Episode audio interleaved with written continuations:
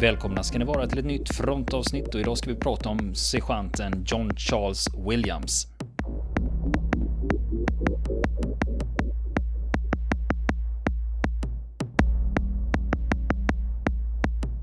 Ja, redan 2015 gjorde vi ett avsnitt om eh, John Charles Williams, men eh, nu är det så att jag har fortsatt att ta reda på mer om honom.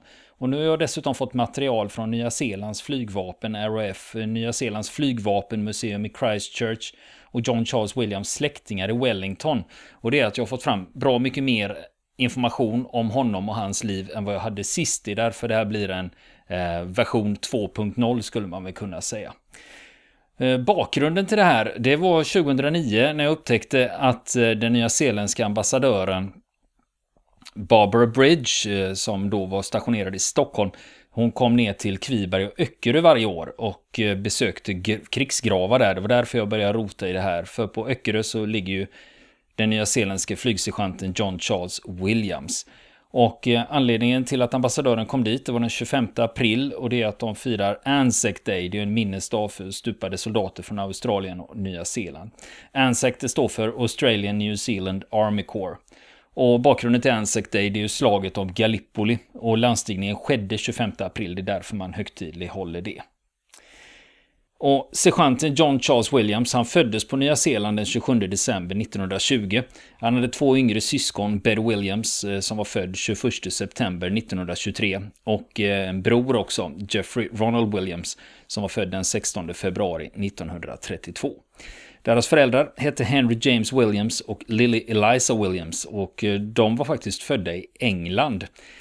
Och som barn när eh, John Charles Williams var liten, då bodde de på 175 Glen Avenue, Mornington heter stadsdelen och orten heter Dunedin. Och han gick eh, på grundskolan Mornington Primary School och sen gick han på Otago Boys High School och det här är då i Dunedin.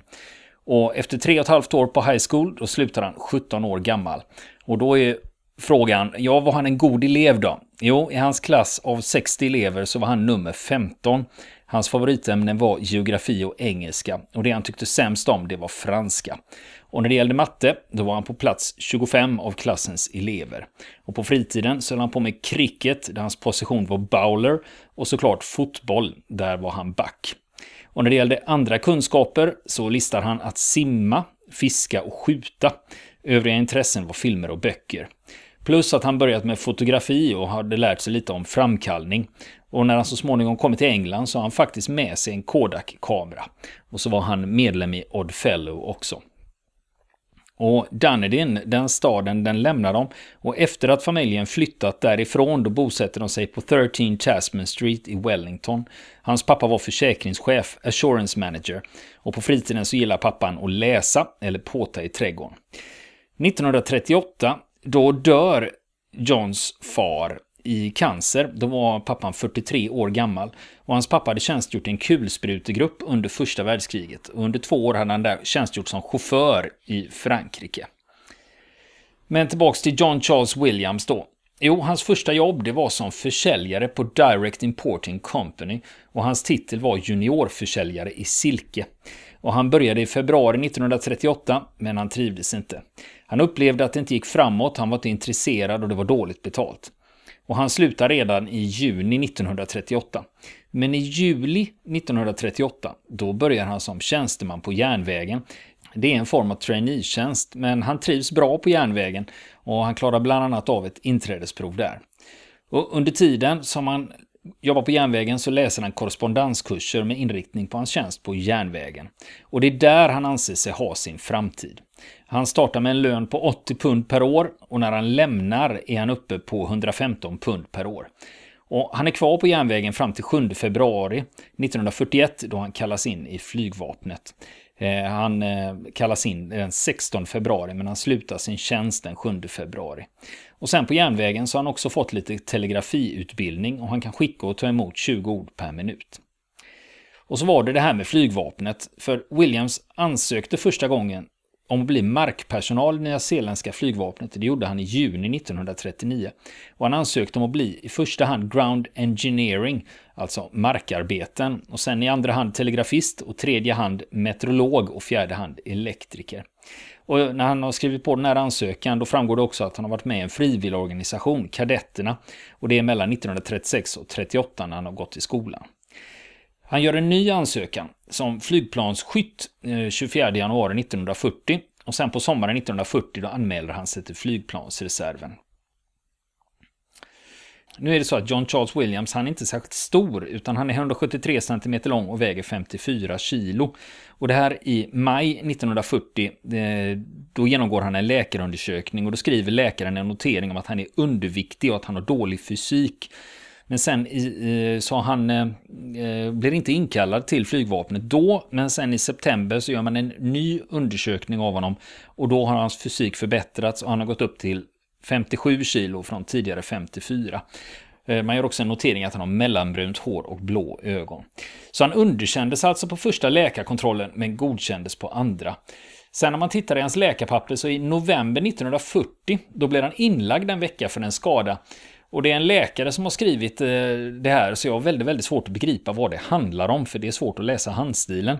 Men jag kan i alla fall få fram att det rör sig om en skada på septum, alltså det är ju näsväggen. Och under det här ingreppet så bedövas han med eter. Men så småningom får han besked om att han är uttagen till att bli observer och då har han preliminärt inställelsedatum i januari 1941. Sen när man tittar på hans ansökan, då får, finns frågan där varför har du ansökt om att komma till flygvapnet? Då svarar han att han gör det på grund av kriget, att han vill tjäna sitt land och bidra till krigsinsatsen. Men sen är vi framme vid vintern 1941 och han avslutar sitt jobb som kadett på järnvägen den 7 februari och rycker in den 16 februari 1941. Och sen 25 februari 1941 då genomgår han en ny läkarundersökning inför att han ska skickas utomlands. Då har han gått upp lite i vikt och ligger då på 59 kilo. Och han lämnar Auckland på Nya Zeeland den 29 april 41 och det gör han på lyxkryssaren Avatea. Och vid krigets utbrott fick den båten sluta med lyxkryssningar och istället ägna sig åt trupptransporter. Och just Avatea användes som det här fram till hon sänktes under Operation Torch av tyska och italienska plan. Och sänkningen skedde den 11 november 42 i Medelhavet utanför Algeriet. Och Williams resa med Avatea den gick till Kanada via Fijiöarna och där utbildades han på Number 3 Wireless School och han rycker in där den 12 maj och eh, muckar 25 september. Och han bedöms below average av sina officerare. Han hamnar på plats 25 av 35 rekryter, men han är trots det godkänd på utbildningen. Sen ska han åka vidare till nästa skola och då är det Number 6 Bombing and Gunnery School. Och där rycker han in 29 september 41 och muckar 27 oktober 41. Där bedöms han som eh, above average och han hamnar på plats 10 av 27 rekryter. Och officerarnas omdöme om honom det är en alert, självsäker man som klarar kursen utmärkt och han kommer bli en tillfredsställande underofficer. Om man då slår ihop de här två utbildningarna, då hamnar han på utbildningsplats 8 av 20 och han får betyget above average. Och han tog examen den 24 oktober 41 och dagen efter då får han sitt utbildningstecken och det är Air Gunners Badge. Sen lämnar han Kanada den 3 november, kommer till England 14 november. Där går han först på Second Signal School i Yatesbury. Och i april 1942 då kommer han till 7th Air Gunner School och den ligger i Stormy Down i Wales. Där är han till maj 42 då han skickas till 11 Operational Training Unit och det är där de samtränas för att kunna verka som en del av en besättning. Och där är han kvar tills utbildningen är färdig i juli 42. Och det är då han blir stationerad som akterskytt på 57 RAF-skvadronen och det sker den 23 juli. Och då är de förlagda på Feltwell-basen i Norfolk. Hans första uppdrag, det är den 11 augusti och flygplanet har identitetsbeteckning BJ619. Det är en Wellington Mark 3 och pilot är kanadensaren Robert McLaren. Och 57 skvadronen deltar med två bombflygplan för att bomba den franska staden Le Havre. Den är ockuperad av tyskarna och den ligger norr om Seines mynning. Och de lyfter klockan 01.15 och ombord på sitt flygplan har de 17 stycken bomber som väger 125 kilo styck. Men de lyckas inte hitta målet de ska bomba utan de vänder hemåt igen med oförrättat ärende och de landar igen 05.45. Andra uppdraget, det är den 15 augusti Och då är det dags att bomba Düsseldorf. McLaren är återigen pilot, men nu har de ett annat plan med identitetsbeteckningen BJ596. I loggboken står det att klockan 02.18 släpper de 72 stycken 15 kilos brandbomber från 12 000 fots höjd. De rapporterar att de sett bränder efter att de släppte dem, men det är lite molnigt som gör att de har svårt att ange exakt vad det är de har träffat. Tredje uppdraget för Williams del alltså. Det är den 17 augusti 1942. Uppdraget är att bomba staden Osnabrück. Återigen med planet BJ 596 och McLaren som pilot. De har lastat en 500 kilos bomb och sju stycken 250 kilos bomber. Men eftersom bak i kulsprutetornet krånglar på flygplanet så avbryter de. De lyfter alltså inte ens från marken, utan på grund av att kulsprutetornet kärvar så ställer de in helt enkelt. Och så var det då dags för Williams fjärde och sista uppdrag och det är på natten mellan den 18 och 19 augusti 1942. Den här gången med ett annat flygplan med beteckningen X3371 och det är McLaren som är pilot och det här är faktiskt McLarens 32 uppdrag. Och det här var ett av de sista uppdragen som flögs med Wellington-bombare av 57 skvadronen. För månaden efteråt skulle de flytta till RAF Scampton och börja flyga Lancasters istället. Men den här kvällen så lyfter 118 bombplan från England och de ska bomba Flensburg i norra Tyskland. Och på ett av de här planen, som var av Vickers Wellington typ 3, och de startar klockan 29, där var John Charles Williams akterskytt. Om vi tittar på besättningen på flygplanet. Eh, piloten var ju McLaren, det var hans 32 uppdrag. Han var kanadensare och 22 år gammal. Observatör och bombfällare, det var sergeant William Edwin Collins. Han eh, tillhörde brittiska reserven i flygvapnet och han var 22 år gammal. Och sen hade vi en eh, telegrafist och eh, skytt som hette Harold William Alderton. Han var nyzeeländare, 23 år gammal. Och så har vi en till radiooperatör och skytt, eh, sergeant Hector John Wakeman. Också han från Nya Zeeland, 23 år gammal. Och sen slutligen som akterskytt då, John Charles Williams, 21 år gammal. Och den här bombräden de ska iväg på, den är speciell av en anledning. För när det gällde nattbombningar, då hade RAF stora problem att hitta sina mål och träffa rätt. Och vid den här tiden fanns inte radar i flygplanet och man navigerade med ganska enkel teknik. Det var kompass, klocka och höjdmätare. Men tyskarna hade tidigare skaffat ett system med radionavigering som gjorde att de kunde släppa bomber på natten med hög precision. Och tyskarna hade en grupp flygplan, Kampfgeschwader 100, alltså stridsskvadron 100. De åkte i förväg och släppte magnesiumbloss eller brandbomber för att markera målen. Och städerna i både England och Tyskland var ju mörklagda för att inte synas från bombplan.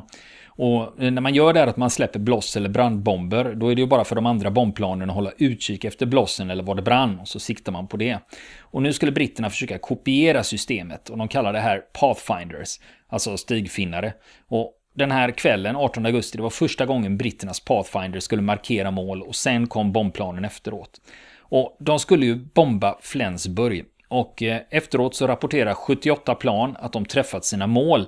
Men i Flensburg så är det lugnt hela natten, det kommer inga rapporter om att något har hänt. Däremot så bombas danska Sönderborg på andra sidan gränsen. Inte bara Sönderborg utan Åbenrå och landsorten runt omkring. Och resultatet av den här bombräden är att 26 danska hus totalförstörs och 660 danska hus skadas. Och eh, det ska även vara fyra danskar som har skadats. Men nu är det ju så att eh, tyska nattjakten, de för ju också loggböcker om eh, vad som har hänt. Och till min hjälp så har jag tagit författaren Max Timmig som eh, har skrivit en bok om tyska nattjakten om hans farfar nattjaktsesset i Luftwaffe. Wolfgang Timmig. Och Max Timmig har kollat upp då vad den tyska nattjakten hade för sig i norra Tyskland och Danmark den här natten. Och enligt Timmig då så tyska nattjakten, de har förband i norra Tyskland och Danmark och de tillhör Nachtjagdgeschwader 3, alltså tredje nattjaktseskaden. Och Luftwaffes Hans Krause på nattjakten, han rapporterar att han har skjutit ner en Störling på 4000 meters höjd och det har han gjort klockan 02.48 väster om Esbjerg och att den här Störlingen då har störtat i havet. Och hans kollega Herbert Altner, han rapporterar att han har skjutit ner en Halifax på 4000 meters höjd precis sydost om Sönderborg klockan 02.08. Och nu är det ju så att eh, kan man tänka sig att eh, de har skjutit ner något annat än vad de faktiskt har rapporterat. För de rapporterar ju att de skjutit ner en Halifax och en Sterling och de har gjort det utanför Sönderborg och Esbjerg. Men de här planen är ju fyrmotoriga och en Wellington har två motorer, så det är ganska osannolikt att de har blandat ihop det.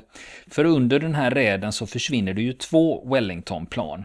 Och det ena Wellington-planet som försvinner, det är ju där John Charles Williams sitter. Och totalt under den här räden, av de här 118 planen som deltagit i räden, så förloras eh, fyra plan faktiskt. Och sen har vi ju frågan då, vad var det som hände? För det finns ju inga som helst eh, uppgifter om eh, vad de här planerna har råkat ut för, de här två Wellington-bombarna som har försvunnit. Utan det är ju ingen som vet det. Om man då tänker på de här två Wellington-planen som har försvunnit. Eh, kroppar dyker ju upp från de här två Wellington-planen. Eh, bland annat så bombfällaren eh, på samma plan som Williams, han heter ju Wakeman, som, han var ju nyzeeländare, 23 år. Han spolas upp död på den tyska ön Sylt och det ligger ju nere i Nordsjön och han ligger idag begravd i Kiel. Och piloten R.P. McLaren och John Charles Williams kroppar, de spolas upp på Öckerö i Göteborgs norra skärgård den 8 september och den 10 september 42. Först att spolas i land där var R.P. McLaren. Och sen den 11 september, då begravdes John Charles Williams på Öckerö kyrkogård. Och samtidigt så begravdes även R.P. McLaren. Och eh, nu eh, är det lite lustigt här för att det var ju en annan Wellington-bombare som också hade försvunnit och två av deras besättningsmän spolas också upp på Öckerö och begravs den 11 september. Så från samma bombräd så är det fyra flygare fast från två olika flygplan som begravs där.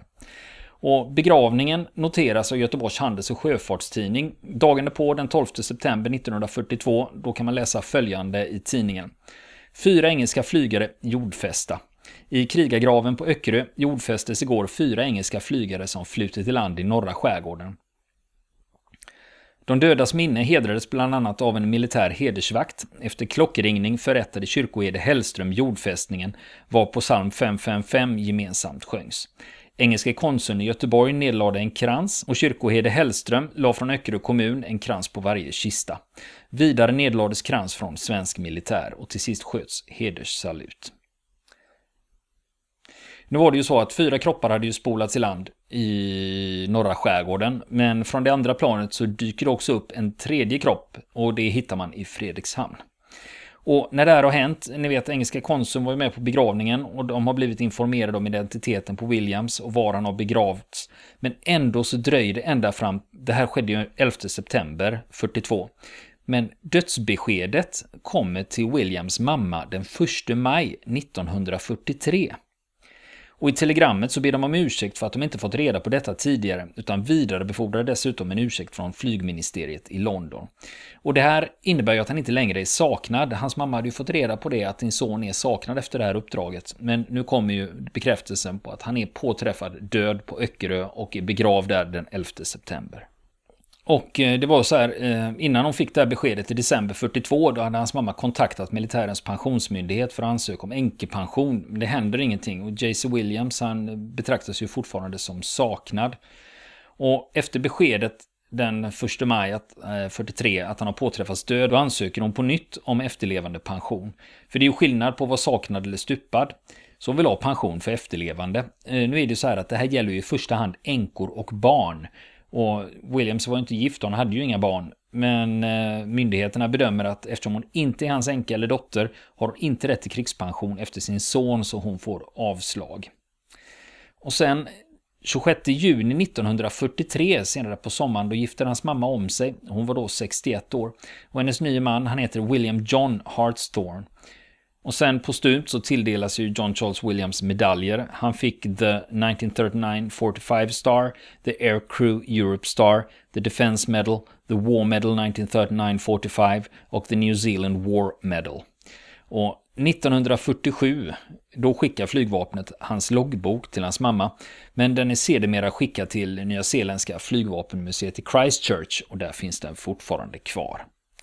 Och sen 1966 då avlider Williams mamma, Lily Eliza Hartshorn. Hon är 84 år gammal och hon begravs på kyrkogården i Christchurch. Och vid det laget, eh, 1966, då är hon änka. Sen 1968, då får nya zeeländska flygvapnet ett brev. Det är från en Ruth Thompson. Hon är nyzeeländska och hon har varit på Öckerö och blivit nyfiken på vad det är för nyzeeländare som ligger begravd där. Hon undrar om de har kontaktuppgifter till hans anhöriga eftersom hon misstänker att det inte är så vanligt med nyzeeländare på Öckerö. De svarar att de vet om att han hade en mamma men att hon gifte om sig 26 juni 43 med William John Hartshorn och de vet inte var hon bor i nuläget och att de inte kan hjälpa till. Det var ju så att hon hade ju gift sig och då bytte hon ju efternamn till Hartshorn och eh, hon bodde kvar på 13 Tasman Street i Wellington, i alla fall till 1947. Eh, för sen på 50-talet så flyttade hon till 41 Mortimer Terrace i Wellington. Hon bytte adress i samma stad. Sen John Charles Williams hade ju två syskon, Betty som var född 1923. Betty fick en dotter 1960 som heter Elizabeth Woolcott och hon bor i Wellington. Elizabeth Woolcott var faktiskt på väg till Öckerö 2008 för att besöka sin morbrors grav, men hon får vända i Tyskland eftersom hennes mamma Betty har blivit väldigt dålig. Men Elizabeth hinner tyvärr inte tillbaka till Nya Zeeland innan mamman dör. Ja, hur känner jag då till de här sakerna då? Jo, det är Elisabeth Woolcott. Jag fick tag på henne eh, via Facebook förra året och sedan dess har vi mailkorrespondens. Så när jag får fram saker om John Charles Williams då skickar jag över det till henne. Och hon har också kunnat hjälpa mig med detaljer om familjen som när de har flyttat och varför de har flyttat. Och John Charles Williams lillebror Jeffrey Eh, han var ju född 32. Han är idag 86 år och är fortfarande i livet i Wellington. Och han följer med intresse de uppgifter jag får fram från arkiven och mejlar till hans systerdotter. Och det är också Elisabeth som har sin morbrors medaljer hemma. Det är så att det finns två nyzeeländska flygare som ligger begravda på västkusten. På Kvibergs kyrkogård i Göteborg, där ligger William Robert Tuck och på Öckerö så ligger Williams. 2008 öppnade Nya Zeeland en ambassad i Stockholm och den 25 april 2009 var ambassadör Barbara Bridge på Öckerö och Kviberg för att lägga ner kransar. Nu var det så att 2013 då stängdes ambassaden i Stockholm och numera är det ambassadör David Taylor som representerar Nya Zeeland gentemot Sverige. Och han är stationerad i Bryssel så han är ambassadör för flera länder och EU. Men 2018, i år alltså, då togs traditionen upp igen och han kom till Öckerö och Kviberg den 25 april. Och det som är intressant med ambassadören David Taylor, det är att han har gått på samma skola som John Charles Williams, alltså Otago Boys High School i Dunedin. Och han har för avsikt att fortsätta besöka Kviberg och Öckerö på Anzac Day. Och jag träffade honom på Anzac Day i år på Öckerö kyrkogård och han berättar att skolorna på Nya Zeeland högtidligt håller minnet av sina tidigare elever som stupat. Och han tycker det är fint att vi svenskar högtidligt håller minnet av deras soldater.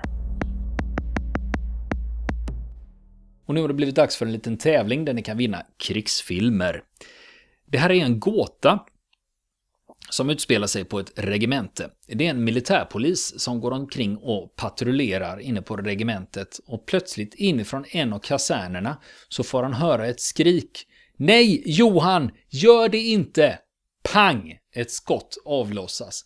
Militärpolisen rusar in och får se en död överste på golvet. Bredvid honom ligger det en rykande pistol. Och runt översten så står det tre officerare som militärpolisen inte känner igen. Det är en löjtnant, en kapten och en major. Men utan att tveka, då säger militärpolisen Kapten, du är gripen för mord. Nu följer ni med mig. Hur kunde militärpolisen veta att det var kaptenen som hade avlossat det dödande skottet? Kan ni lista ut det här så mejlar ni svaret till frontenpodcast@gmail.com så kommer vi att dra en vinnare bland de rätt inskickade svaren. Lycka till! Och så har det blivit dags för ett aktuellt boktips. Eh, häromveckan så kom en nyhet att den ryske journalisten Arkadij Babchenko hade blivit mördad i Kiev och eh, vi på fronten, vi trodde såklart på det här och gick ut och beklagade att han hade fallit ifrån och blivit mördad, liksom hans eh, tidigare kollega Anna Politkovskaja. Nu visade det sig att det var inte sant det här utan det gick ut på att man skulle försöka sätta fast dem som höll på med en mordkomplott riktad mot Babchenko och enligt ukrainska säkerhetstjänsten så var det här också en lyckad operation. Och en av anledningarna till att vi nämnde honom, det är hans bok Krigets färger, ett vittnesmål. Det var så att eh, Arkadij Babchenko han har deltagit i kriget i Tjetjenien. Först som 18-årig värnpliktig och sen var han tillbaka i det andra Tjetjenienkriget. Och det som är lite speciellt med den här boken det är att det liknar inte något annat jag har läst i alla fall. Eh, det är inte så mycket fokus på strider eh, utan väldigt mycket handlar om vad som sker mellan striderna och väldigt mycket handlar dessutom om hur de eh, sovjetiska, eller i det här fallet ryska soldaterna då beter sig mot varandra. För vardagen för dem präglas av en otrolig penalism som jag aldrig har läst om tidigare när de misshandlas nästan dagligen av eh, andra soldater och befäl och officerare och våldet ligger alltid nära till hands. Så det finns, en, det finns tydligen en tydlig hackordning eh, med vem som får ge sig på vem, där veteranerna har högre status och spanarna har högre status och det är de som ger sig på de andra soldaterna. Och Babchenko då som är signalist eh, och ny, han räknas ju då som att han är lägst ner på skalan. Och utöver misshandel så förekommer det även våldtäkter då mot eh, ryska värnpliktiga och soldater. Och det är ganska skakande att läsa de här skildringarna hur eh, våldet eh, blir en naturlig del av vardagen för dem. Och inte bara det utan hur de sen i sin tur ger sig på andra och följer den här traditionen. Och Babchenko han skriver bland annat om hur våldet har institutionaliserats i den ryska armén. Och det går till och med så långt att eh, de befinner sig eh, utanför Tjetjenien. Men när de utsätts för det här våldet så är det till och med att de bönar och ber och sätter oss på en helikopter och skickar oss till striderna. Och de är beredda att göra vad som helst för att slippa det här våldet. Och ur Babchenkos synvinkel, om man skriver, när han skriver om själva kriget så eh, måste man ju säga att det här är en pacifistisk roman. Eftersom det handlar ju om krigets meningslöshet och sannolikheten att de ska kunna uppnå någonting. De är inte överens med sig själva om det här. Och Det gör att eh, man mår dåligt av att läsa den här eh, boken. Och det är inte ovanligt att man gör det när man läser böcker som handlar om sanna skildringar av krig. Men den här är så väldigt osminkad och naken och eh, osentimental så det blir väldigt obehagligt att läsa den. Den här boken finns tillgänglig på flera bibliotek så man kan låna den som e-bok bara man har ett bibliotekskort och det är ett ganska smidigt sätt att komma över bra litteratur. Krigets färger, ett vittnesmål av Arkadij Babchenko. Vill ni komma i kontakt med oss så kan ni göra det via vår Facebook-sida som heter Fronten. Det är inga problem för er att leta er fram där. Eller också så mejlar ni på vår mejladress och det är frontenpodcast.gmail.com.